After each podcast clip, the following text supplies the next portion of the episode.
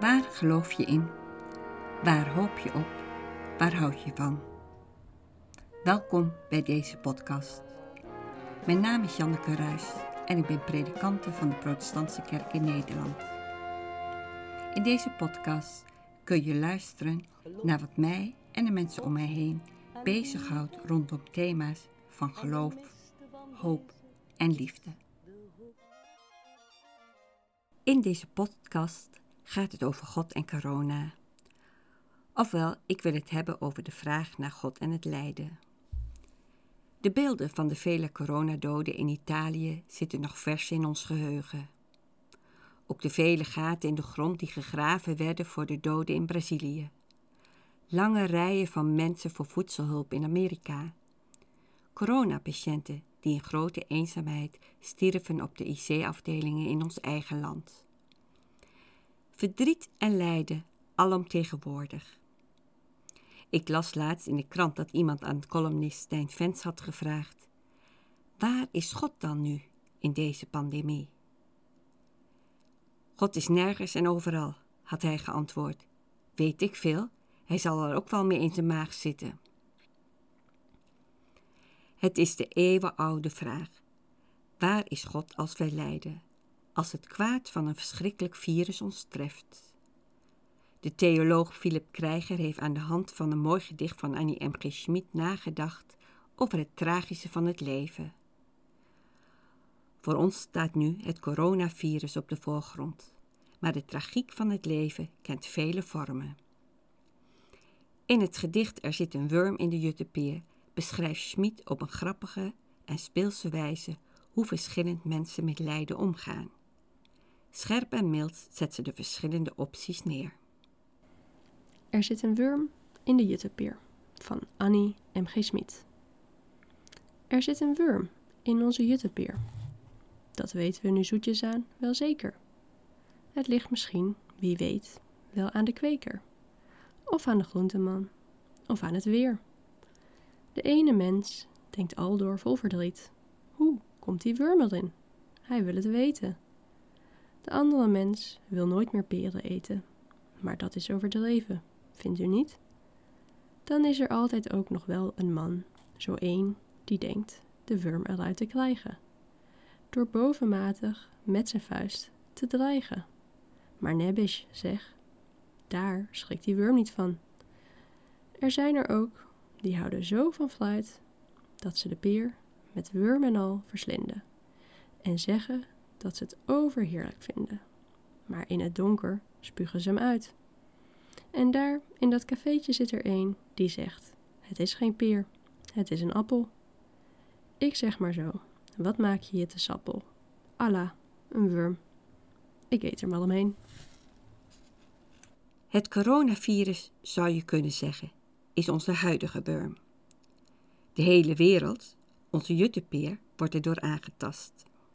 In haar gedicht laat Schmid zien dat mensen verschillend reageren op de donkere kant van het leven. Er zijn de denkers. Zij vragen naar de oorzaak. Waar komt het kwaad vandaan? Hoe komt die worm in de peer? De theologie stelt daarnaast ook nog de vraag: hoe zit het met God en die worm? Heeft God die worm in de peer gestopt? Is God verantwoordelijk voor het kwaad in de wereld? Hoe kan God goed en almachtig zijn terwijl toch kwaad bestaat? Of zijn er donkere, duistere machten waar God geen grip op heeft, die de schepping bedreigen? Er zijn vechters die zeggen: waarom zit die worm erin? Het zijn de mensen die protesteren. De man die denkt de worm eruit te krijgen door bovenmatig met zijn vuist te dreigen. Waarom moest juist ons dit overkomen? Dit is onrechtvaardig. Ze zijn boos op God. Er zijn ook mensen die er maar in berusten. De peer wordt met worm en al opgegeten. Er zit niet anders op dan je bij de situatie neer te leggen. De mens wikt, God beschikt. En er zijn mensen die relativeren. Wat maak je je te sappel? Allah, een worm. Ik eet er maar omheen. Om het coronavirus heen eten lijkt mij moeilijk, maar ook nu zijn er mensen die wegkijken. Stijn Vent zegt in zijn column: Ik weet niet hoe het zit met God en het coronavirus, maar ik vermoed dat God er ook last van heeft. Hij spreekt over God die met ons meeleidt. Eén duidelijk antwoord op die eeuwenoude vraag naar God en het lijden is er niet. Ook in de Bijbel niet. Ook daarin horen we, net als in het gedicht van Annie M. Schmid, verschillende stemmen. De Bijbel spreekt over God die straft en opvoedt. De ballingschap bijvoorbeeld wordt door de profeten als een straf gezien. Of over God die de duistere chaos bestrijdt. Een scheppende God. De aarde was woest en ledig en God sprak, er zij licht. Of over God die meeleidt met ons in de kruisdood van Jezus. Ik denk dat er voor ons niets anders op zit dan te leren leven met het mysterie van het niet weten waarom er lijden is. Het leven is grillig en weerbarstig. En nu hebben we met een grillig en verwoestend virus te maken, waarvan we veel nog niet weten. Het gaat om onze houding tegenover het lijden dat het coronavirus in de wereld brengt. We trekken te strijden, op zoek naar een vaccin. Weg met het virus. We maken een pas op de plaats. Er veranderen dingen. Welke nieuwe inzichten brengt deze pandemie ons? Tegelijkertijd zit er, zolang er geen vaccin is, niets anders op dan het uit te houden en vol te houden. We kunnen niet anders dan met het virus leven. Ten slotte nog een laatste opmerking. Ook in de Bijbel is het lijden volop te vinden. Maar de tragiek van het leven ligt niet als een zwarte, donkere deken over alle verhalen. Door het wolkendek van de tragiek valt een lichtstraal. Er is sprake van hoop in de Bijbelverhalen. Het lijden heeft niet het laatste woord. Na de zondvloed komt de duif van Noach terug met een jong groen olijfblad in haar snavel. In Bethlehem is een ster gezien.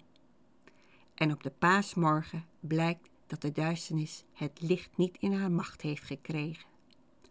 Hoop doet leven, ook als er lijden is. Fijn dat je geluisterd hebt naar deze podcast over God en corona. Heeft dit je geïnspireerd? Deel het dan met anderen.